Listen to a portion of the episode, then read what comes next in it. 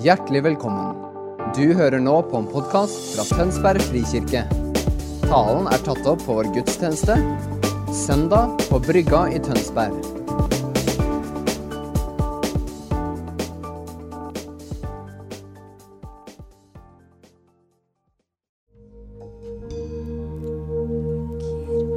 Mm, Jesus, vi bare takker deg. Helligånd, vi takker deg for ditt nærvær. Takk for at ditt nærvær kommer og forvandler oss. Mm.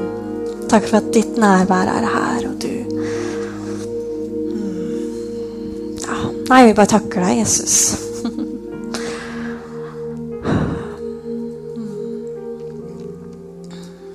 Jesus.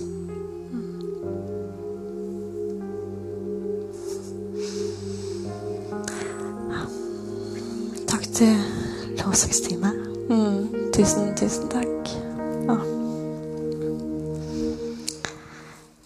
Vanskelig å gå videre. Det sier man hver søndag, føler jeg. At det er like vanskelig hver gang å gå fra fra det der til eh, å åpne opp PC-en sin. Um, yes. Jeg bare ber til, jeg. Jesus, jeg bare å, Helligånd, vi bare gir denne stunden til deg. Kom og åpne opp hjertene våre. Kom og si ditt ord. Kom og Ja. Kom og ta det som skal inn. La det få komme inn, og la det ikke komme inn, det som ikke skal komme inn. Hmm. Vi ærer deg, Herre. Hmm.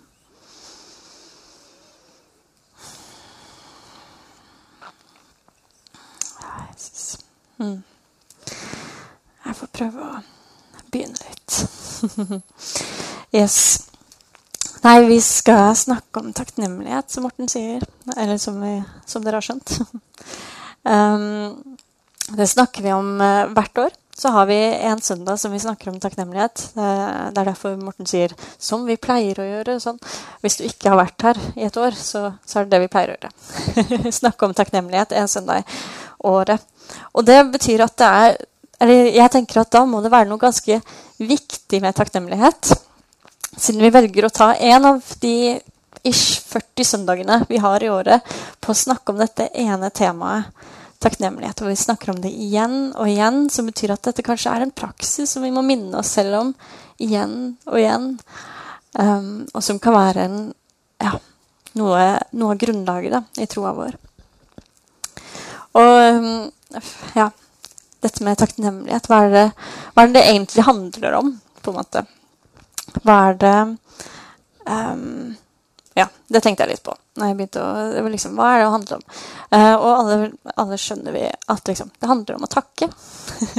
Være glad for det man har. ikke sant? De, de helt naturlige tingene. ikke sant? Vi er norske, så vi har hørt det fra vi blitt født at liksom, ja, dere skal være takknemlige for det vi har, for vi har så mye. ikke sant? Og det handler om det, å være takknemlig. Takknemlighet handler absolutt om det, men jeg tror det handler om så sykt mye mer. Ellers så hadde vi ikke snakket om det så mye. Hvis ikke så hadde ikke Bibelen snakket om det på den måten du gjør. Jeg tror um, ja, at takknemlighet ikke er en sånn derre 'Nå skal vi takke for maten nå. Takk for at du ga meg en kaffe når jeg var på veien inn her.' Men at takknemlighet også handler om å ha en sånn linse på hvordan vi ser livet.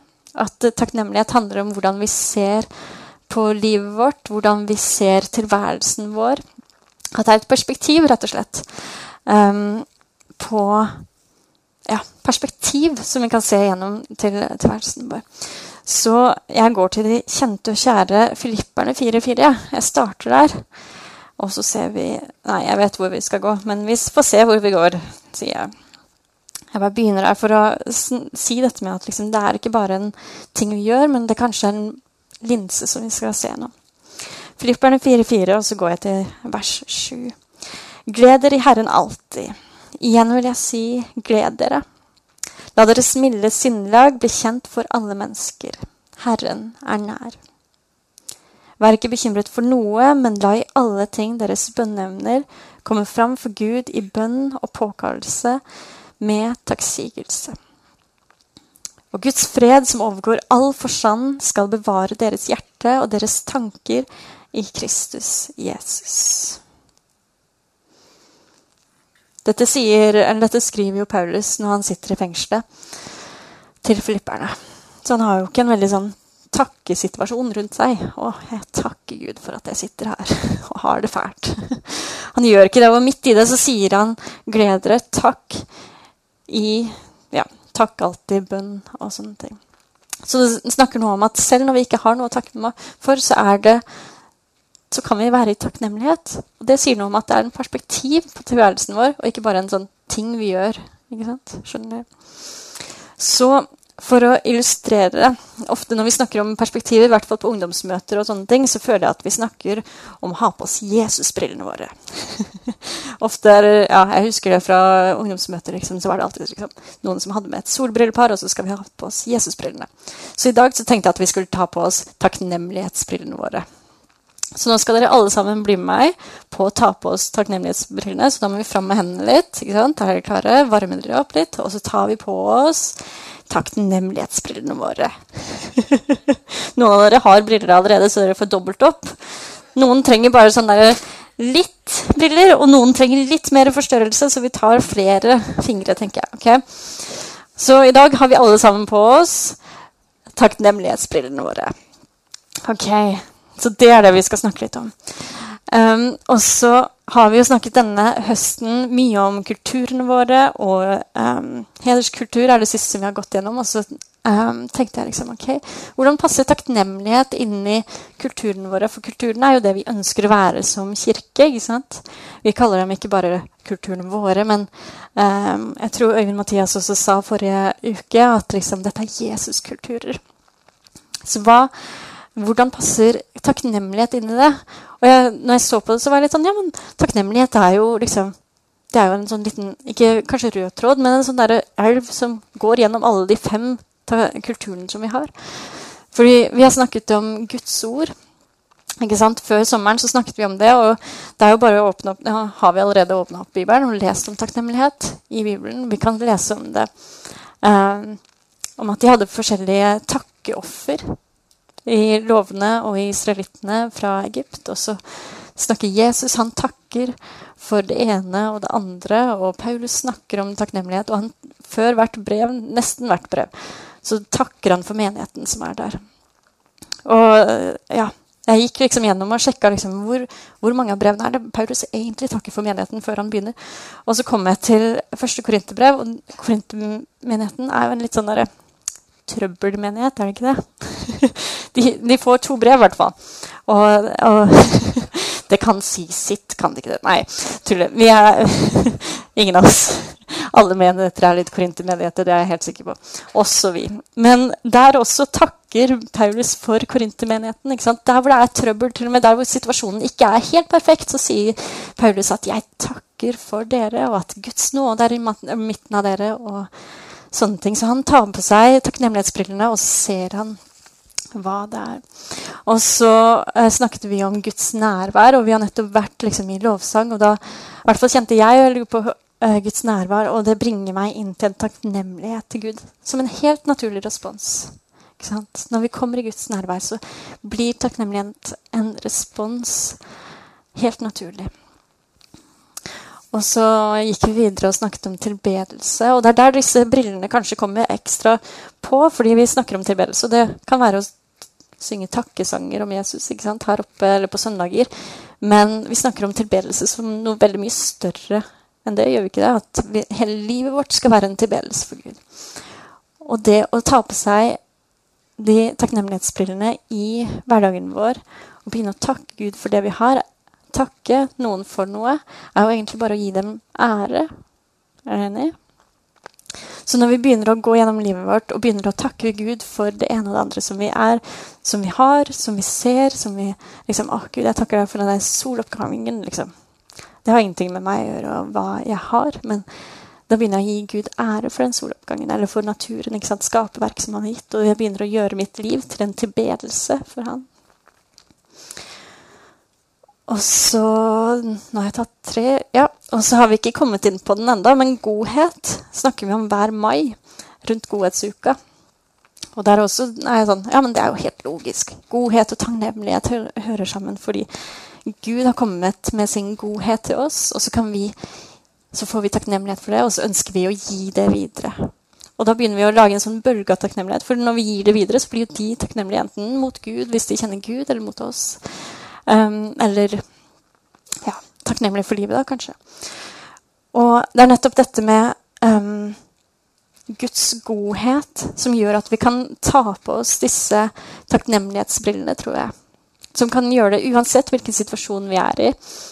Fordi Gud har alltid kommet med sin godhet. Han er alltid god. ikke sant? Det er noen sannheter som vi eh, kjenner fra Bibelen, som gjør at vi kan takke for Gud, takke for ting som skjer, uansett hvilken situasjon vi er i. Og Guds godhet er en sånn ting som kan gjøre at ok, men da tar jeg på meg takknemlighetsbrillene, og så vet jeg at jeg alltid gjennom dagen min kan se gjennom linsa om at Gud er god. Jeg kan takke for hans godhet. Og den ser ut som dette og dette i livet mitt, kanskje. Og så kanskje jeg ikke ser hva det ser ut som i livet mitt, men jeg kan takke likevel. Og så Den siste kulturen som vi har snakket mye om i det siste nå, det er hederskulturen. Um, og da, Det handler jo mye om oss imellom, ikke sant? Hvordan det er oss imellom. Vi har snakket om det å tilgi hverandre, om det å anerkjenne hverandre. og um, hva heter det, å konfrontere kjærlighet og disse tingene her. Um, og her ser jeg takknemlighet har mye hva heter det, koblinger sammen med det med å anerkjenne hverandre. Kan, eh, som, jeg tror det var Morten som snakka om det, at vi kan anerkjenne hverandre med liksom, 'Å ja, jeg ser dette og dette i livet ditt, så, um, så jeg sier det til deg.' Ikke sant? Um, men vi kan også um, den enda morsommere delen av hederskultur, kanskje som jeg synes, det er når vi kan se noen så, såkorn i andres liv. Og jeg ser at det er en bitte liten spire av at du er kalt til dette her av Gud. Gud har putta dette ned i deg. Jeg ser det kanskje ikke full blomst, jeg ser ikke at du går ut i det, men jeg ser den lille, så jeg kan begynne å anerkjenne den. Det er den derre profetiske delen av anerkjennelseskultur, hederskultur. Og akkurat det samme kan vi gjøre med takknemlighet. Nemlig dette med at jeg ser noe i livet ditt. Jeg ser det ikke kanskje helt fullt og helt nå, men jeg kan begynne å takke for at det er der. Jeg kan begynne, og Det er som å putte vann på en spire ikke sant? og gi liksom kjærlighet til deg og si takk, Gud, for at jeg ser dette og dette i livet ditt. Og det trenger ikke å være om andre personer engang. Det kan være om ting i livet mitt som jeg um, som jeg ikke ser helt fullt, men jeg vet om en sannhet om at Gud er god. Så når jeg ser at dette, dette er vanskelig for meg i livet mitt, så vet jeg at Gud er god. Så derfor kan jeg takke Gud for at dette her kommer til å gå gjennom. Denne utfordringen kommer jeg til å gå ut av. Dette er den, liksom, jeg kaller den profetiske delen av takknemlighet, for vi begynner å takke for noe vi ikke ser ennå, men som vi vet at kan være sant. Vi begynner å komme under sannhetene til Gud og si liksom Ja, dette er jeg med på. Um, la meg gå til første Tessalonikerbrev. Um, ja, jeg må alltid Jeg lagde ikke et um, merke i bibelen min, og så når jeg ikke vet hvor det er i Bibelen, så må jeg alltid synge den sangen. Uh, Mamma Lykke, jo, sørkanneren. Ja. Uh, ja. Ah. Der, vet du. Første Tessalonikerbrev, kapittel 5. 5. 5, 5, 5. Vers 14. Når jeg leser dette, så var jeg sånn Oi, dette er jo liksom, Dette må være hederskultur. Versene i Bibelen, tenkte jeg. Og så står det om takknemlighet der også.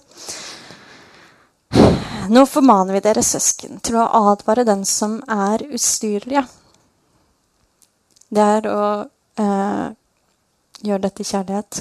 Konfrontere i kjærlighet. Trøste de motløse og hjelpe de svake. Det å være et nådefellesskap. ikke sant? Å være tålmodige med alle. Og tilgi hverandre og sånne ting. Se til at ingen gjenleder ondt med ondt mot noen, men jag alltid etter det som er godt, både for dere selv og for alle.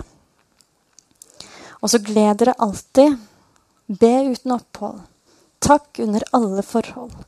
For det er Guds vilje for dere i Kristus Jesus.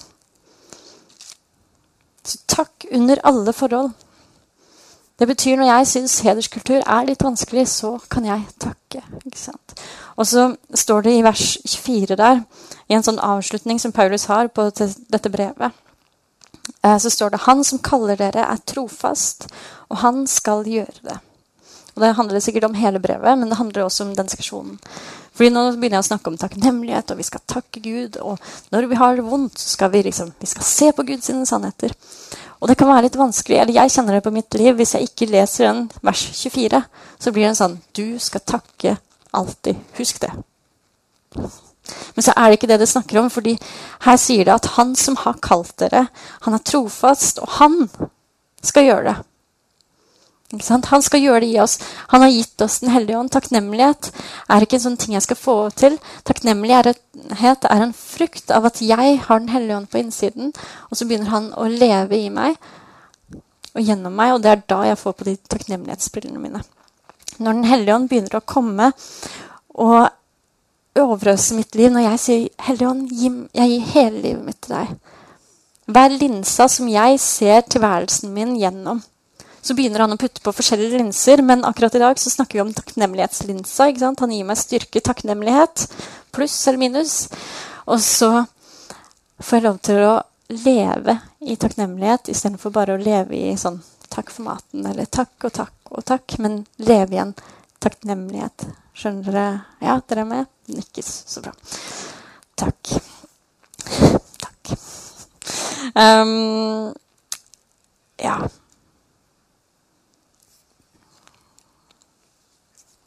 Ja, Så det med det profetiske ved takknemlighet eh, Det vi egentlig gjør da, eller det vi sier da Når vi sier liksom OK, jeg ser noe, men det er ikke den realiteten jeg vil ta utgangspunkt i når jeg ber.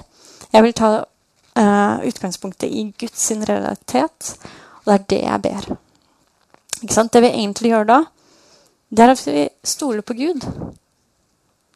Vi stoler på Gud mer enn vi stoler på situasjonen vår og det vi ser rundt oss. Og det kan være vanskelig og det kan være utfordrende, men det er det han kaller oss til. ikke sant? Og så gir han oss Den hellige ånd, slik at vi også kan stå i det.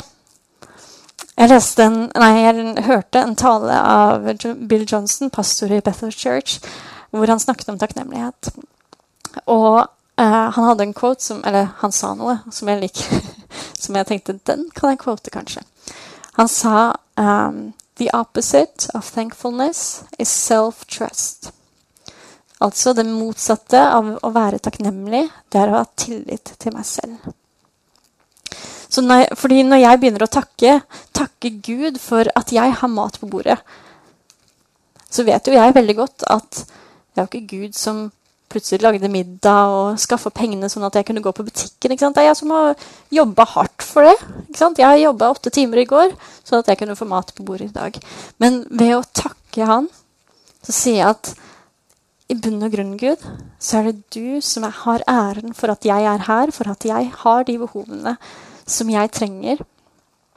Jeg stoler mer på deg enn her. Sånn at jeg kan takke når jeg når bankkontoen min eksempel, begynner å bli ganske liten, så takker jeg Gud for at jeg har alt jeg trenger. Fordi jeg stoler mer på at uh, Bibelen sier at han er min forsørger, og alle de vitnesbyrdene jeg har hørt om at han er vår forsørger, stoler jeg mer på enn min egen tillit, eller tilliten til mitt eget arbeid, eller det, um, det jeg ser rundt meg. Og det er da takknemlighet begynner å bli litt spennende, syns jeg. da. Når det liksom OK, men kanskje det, kanskje det, faktisk bringer litt liv inn i livet mitt. At det ikke bare er en sånn der, en god, fin ting, men at faktisk det er noe ganske revolusjonerende med takknemlighet når vi begynner å takke og um, si de bønnene som vi ikke kan se ennå. Og um, vi har noen eksempler i Bibelen, så jeg tar dem fram. Uh, en, sikkert ganske kjent for mange av dere. To fisker og fem brød. Ganske Jeg slår den opp, jeg. Ja. Johannes 6. Um, så, så, har Jesus uh, og disiplene de har gått ut, og så er det 5000 mennesker som har fulgt dem. Og så begynner Jesus å prate, og så slutter han aldri å prate. Så han liksom prater i det vide og det brede, og folk begynner å bli ganske slitne, men de, de vil ikke dra fordi han sier så mye bra. Um, så til slutt så skjønner de vi må, vi må spise. Vi må slukke de behovene også. Og så kommer det en gutt med to fisker, fem brød. Dere ja, kjenner historien.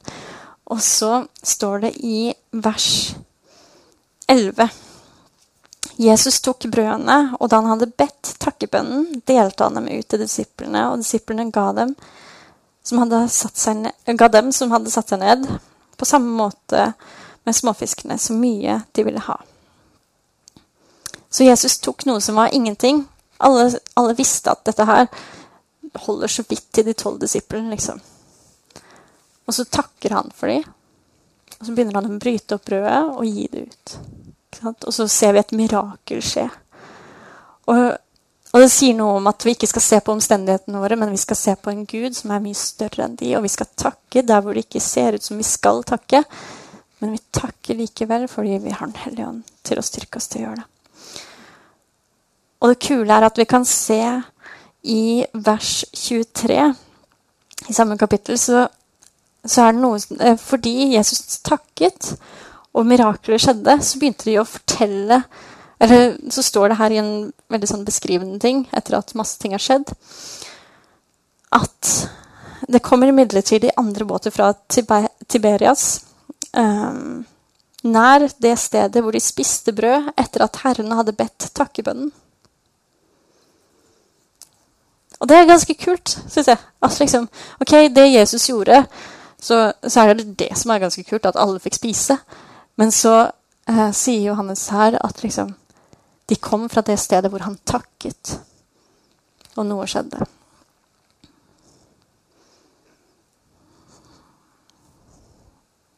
Mm. Ja. Så det å takke når jeg ikke ser, er å sette meg i samsvar med Guds sannheter. Nå har jeg snakket mye om forsørgelse, men det er jo på alle områder ikke sant? Takke der hvor jeg vet at han er helbrederen, men jeg ikke ser det. Takke der hvor jeg ser, vet at han er allmektig, men jeg står ut for en umulig situasjon. Eller takke der hvor jeg vet at han er fredsfyrsten, der hvor jeg møter kjempemasse konflikter. Ikke sant? Fordi jeg vet at jeg hvem han er, og jeg vet at jeg er hans barn. Så, har, så han kommer til å gjøre det for meg. Mm.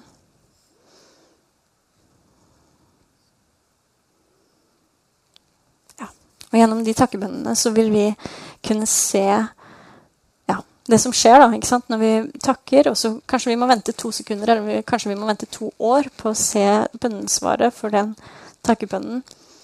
Um, eller kanskje vi ikke får sett det. Kanskje det er neste generasjon som får se svaret på den takkebønnen du har. Ikke sant? Men takkebønnene våre, takknemlighetsbrillene våre som vi setter på oss, er med å forløse Guds rike iblant oss. Ikke sant? Og det er det vi er kalt til å gjøre. Å bringe Guds rike inn i denne jorda, blant oss, blant Og da mener jeg ikke bare liksom oss som kirke, men blant menneskene. ikke sant?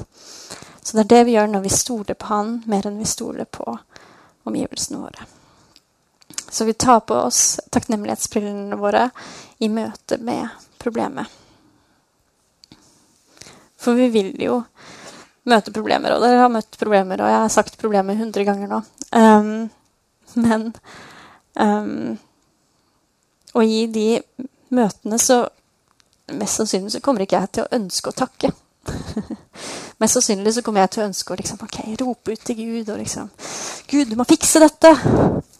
Og det, det, er en kjempeviktig del av det å møte problemer, å være ærlig med Gud og rope til Han og sette spørsmålstegn ved alt. Han ønsker å møte hele oss. Men jeg tror midt i det så må vi også huske hvem han er, ved takk. Sånn at det, disse følelsene som jeg har, alt det der kaoset som, som skjer inni meg når jeg får problemer, må komme sammen med takksigelsen om at han er Gud. Okay? For da kommer den freden, da kommer den gleden. Ikke bare fra å liksom Ok, jeg vet jo det, men det er noe annet som skjer når jeg begynner å takke for at han er det. Ikke bare si 'OK, Gud, du er det, så derfor må du fikse dette'. Men takk, Gud, for at du ønsker å gjøre dette, fordi du er dette er deg. Ikke sant? Um, og jeg Ja. Når jeg, gikk gjennom dette, så Dette med takknemlighet i utfordringer, så um, Så så jeg på uh, en situasjon i Bibelen som uh, jeg syns nesten var for sterk til å kunne ta med i dette Eller for meg så ble det nesten for sterkt å kunne snakke om det på denne måten, men det er liksom det er det største eksempelet vi har i Bibelen på noen som takker i utfordringer. Og det er noe vi aldri kommer til å nå opp til, mest sannsynlig, men det er til etterfølgelse. For vi følger etter Jesus, og i nattverden så gjør han den takken som veldig få av oss kunne klart, tror jeg. Fordi der sitter han med de tolv disiplene sine, og den ene som skal forråde han, han vet om at en person kommer til å snu eh, ryggen og gjøre noe helt forferdelig mot meg. Og alle sammen kommer til å forsvinne fra meg. Og jeg vet at jeg skal dø. Eller han vet at han skal dø, på en måte. Og i nattverden så står det at han takker, og så bryter han brødet. Og vi vet at brødet er symbolet på kroppen hans. Så han takker rett før han vet hva han skal gjøre. At han skal dø, at blodet skal bli um, utgitt. Så her, her ser vi det sterkeste stedet hvor man kan bruke takknemlighet i bønnen. Og så vet vi at døden var ikke endepunktet der. Vi vet at han eh, reiste opp fra de døde, og, og ja, takkebønnen hans var nok ikke bare 'takk for at jeg skal dø', men takk for at dette som skjer nå, er en relasjonsconnection, kobling, sammen med fra Gud til menneske. Mm. Ja. Så en, det jeg stilte meg spørsmål etter å ha tenkt over disse tingene, var litt sånn Hvordan kan man takke når man vet at man skal bli forråda? Hvordan kan man takke når man skal dø? Og det er jo at man kan takke fordi det er ikke vår styrke. Det, ikke, uh, det er ikke min styrke menneskelig sett som skal takke. Det er Den hellige ånd, som jeg sa tidligere. Det er Den hellige ånd som skal skape denne styrken til å kunne takke under alle utfordringer. Og hvis vi ikke kan takke under alle utfordringer, da må vi legge oss ned og så må vi si 'Mer av deg, Hellige Ånd'. Jeg ønsker å gå under dine sannheter, Gud. Men akkurat nå klarer jeg det ikke, så jeg trenger mer av deg, Hellige Ånd. Jeg trenger mer av deg og mer av deg, og det må vi si hver dag til oss selv. ikke sant? Um, ja.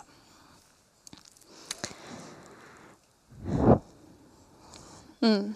Så det er et, uh, ja, en sterk historie for meg. Mm, det, blir, det, blir, stort når vi snakker om nattverden plutselig oppe i takknemlighet. Men så så kan vi ta det ned til vårt eget liv, da, ikke sant. Når jeg møter utfordringer. Og jeg nevnte mye på hederskultur, og kom, kom til å Eller når jeg begynte å vite at jeg skulle ta takknemlighetssøndag, så var jeg litt sånn OK, hvordan funker egentlig dette med takknemlighet? Kan jeg gjøre noen takknemlighetsgrep i, um, i livet mitt akkurat nå? Og um, kom på en uh, situasjon der hvor uh, jeg hadde en person som såret meg litt. Um, eller en person som såret meg. Og uh, jeg var litt sånn OK, ja, men jeg har tilgitt det, det går fint. Men så begynte det å komme opp tanker i meg, eller liksom hver gang jeg møtte på denne personen, så, um, så begynte jeg å ha litt sånn dårlige tanker om personen begynte å bli litt sånn irritert, ekstra irritert over personen. Ikke fordi han gjorde noe, eller noe sånt, noe, bare fordi det var noe, noe der. ikke sant? Den hadde såra meg. Og så um, Og så hadde jeg hørt dette om, eller liksom, så har man jo hørt dette om takknemlighet. At hvis man takker, så snur man på perspektivet sitt. ikke sant? Da begynner man å se gjennom Guds øyne, takknemlighetsbrillene. Så jeg begynte å se, ta på meg takknemlighetsbrillene i møte med denne personen. Og um, hver gang jeg så den eller hørte om den, eller noe sånt nå, og det begynte å komme sånne tanker i meg som var sånn Så dum, eller liksom det, da. Dere skjønner de tankene. som begynner å skape avstand fra oss. ikke sant? Uh, og så visste jeg at jeg vil ikke ha avstand til den personen. Jeg ønsker at denne personen skal ha en god relasjon til meg. Jeg vil ha en god relasjon til den personen. Og alt var inni meg, så det handler ikke, ikke egentlig For jeg hadde tilgitt den personen for den såra meg for. Så jeg måtte begynne å takke. Kom, eller Den hellige ånd minna meg sikkert om at hver gang du har en dårlig tanke om denne personen, så begynn å takke for den personen. Så liksom ok, Hvis, jeg, hvis det falt inn en sånn irritert tanke, så var jeg sånn OK, men jeg takker for at dette er Guds barn. For at du har utvalgt denne personen. Åh, tenkte noe nytt, ikke sant? noe nytt dårlig om denne personen. Men jeg velger å ville ha relasjon til personen. Jeg ønsker å ha noe godt mellom oss, og ikke noe som er forderva, på en måte. En avstand her. Så jeg begynner å takke og takke og takke, og det tar lang tid, og jeg må ta flere runder med meg sjæl, på en måte. Men til slutt så Nå merker jeg at liksom, det har ikke noe å si for meg, det som den personen såra meg med, enn tilbake i tid, liksom. Fordi Og det er ikke noe avstand her. Hvis jeg ser personen Det er fortsatt en utfordring ikke sant, med at du har såra meg en gang, eller du har brutt min tillit, men gjennom takknemlighet så fikk jeg se Guds briller, eller Guds perspektiv, på denne personen. Jeg fikk gå i en sånn ja, den delen av hederskultur da, som vi snakker om i anerkjennelse. Og når vi ønsker Når det er noe inni meg som ønsker avstand fordi Ja, bare fordi liksom, noen har såret meg, det er litt utfordrende, så jeg vil ha avstand, så kan takknemlighet bli et sånn våpen, eller et redskap, ettersom hvordan du ser det, eh, til å komme nære. Og det handler ikke om at jeg må gå til den personen og eh, si at 'jeg har litt dårlige tanker om deg, så jeg begynner å takke for deg'. Bare sånn at du vet det. da er det jo det, det blir litt klein samtale, sikkert. Nei, da handler det om at jeg må jobbe inni meg med å ha takknemlighetsbrillene mine opp når jeg møter utfordringer også i andre mennesker. Og det er kanskje de vanskeligste utfordringene når vi møter andre mennesker og skal ha relasjon og ønsker relasjon. Men så er det noe som ja, inni meg som bare øh. Da velger jeg hederskultur. Da velger jeg takknemlighet.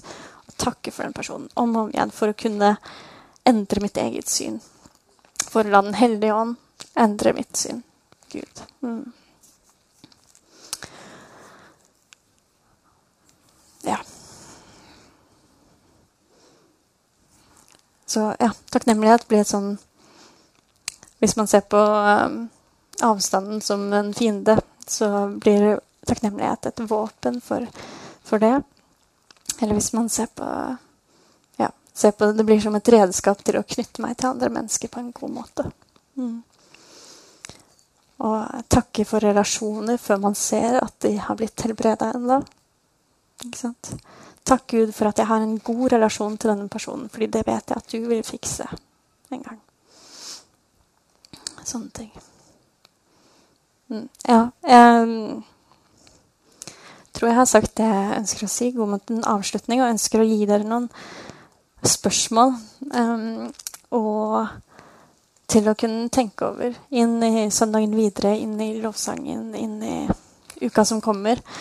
Og huske å ta på seg de takknemlighetsbrillene når dere går ut av, uh, ut av kirka her i dag ta på seg takknemlighetsbrillene når vi står opp på mandag morgen, og så går man på jobb, og så har de brillene kanskje sklidd litt langt ned på nestippen, sånn at man bare liksom står og ser over glassene. ikke sant? Og husk å Ok, da må jeg ta de opp igjen. Se på verden, se på menneskene rundt meg med takknemligheten som Gud ja, styrker meg til å ha. da. Til å kunne se. Begynne å snakke hans sannheter. Og da, er liksom, da, er spørsmålet hvordan ser det ut for deg å ta på deg takknemlighetsbrillene? Hvordan er det å begynne å takke mennesker og takke Gud for hvem de er, og hvem han er? Det helt konkrete, liksom, med takknemlighet. Eller er det å begynne å takke Gud for det du enda ikke har sett? Eller er det å begynne å takke Gud i midten av utfordringene dine, eller i midten av et møte med en utfordrende person, eller midten av en utfordrende helse. Begynne å takke Gud der. Eller ja Dere skjønner greia. Så jeg bare inviterer dere til å ta inn de spørsmålene og spørre deg selv hvordan ser det ut når jeg tar opp på Eller når Den hellige ånd kommer med sine takknemlighetsbriller, og jeg lar han faktisk ta de på livet mitt. Hvordan, hvilke konsekvenser har det? Mm. Vi skal gå inn i litt lovsang, sånn avsluttende lovsang som vi pleier. Um, og vi får lov til å takke Gud for den han er i det. Proklamere hans sannheter i det. Over de situasjonene i livet ditt som kan være utfordrende. Um, ja. Så inviterer dere alle til å reise dere, uh, sånn som vi pleier å gjøre når vi er i lovsang. Bare, Og så er det selvfølgelig frihet til å sette seg ned. Men uh, la dette være en tid hvor du er intensjonell med din lovsang mot Gud og tilbedelse. Så tar jeg bare og ber litt som, uh, som avslutning. Mm. Takk, Jesus, for at du har gitt oss et, uh, et ord, et redskap, en kultur, en vane som som kan forandre. Hvor du får plass mellom meg og utfordringen min til å gjøre noe. Fordi du, du har bare godhet. Du har bare Du har bare godt, Gud, for meg. Og da, når jeg bruker takknemlighet og setter mine øyne på deg, så kommer du og, og forvandler. Og det takker vi deg for, Gud.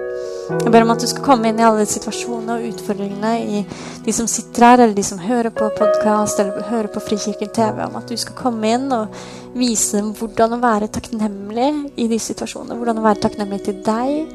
Hvordan å proklamere det du ser, framfor det vi selv ser. Vis dem din trofasthet. Vis dem ditt ord, hvor du har lagt løfter.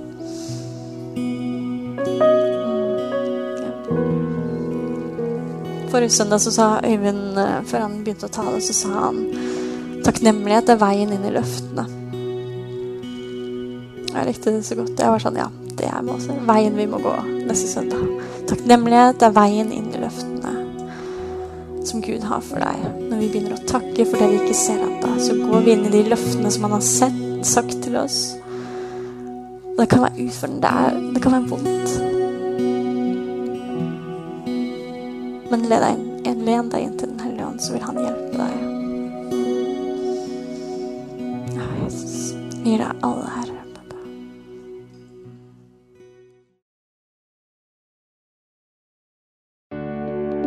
Takk for at du hørte på vår podkast.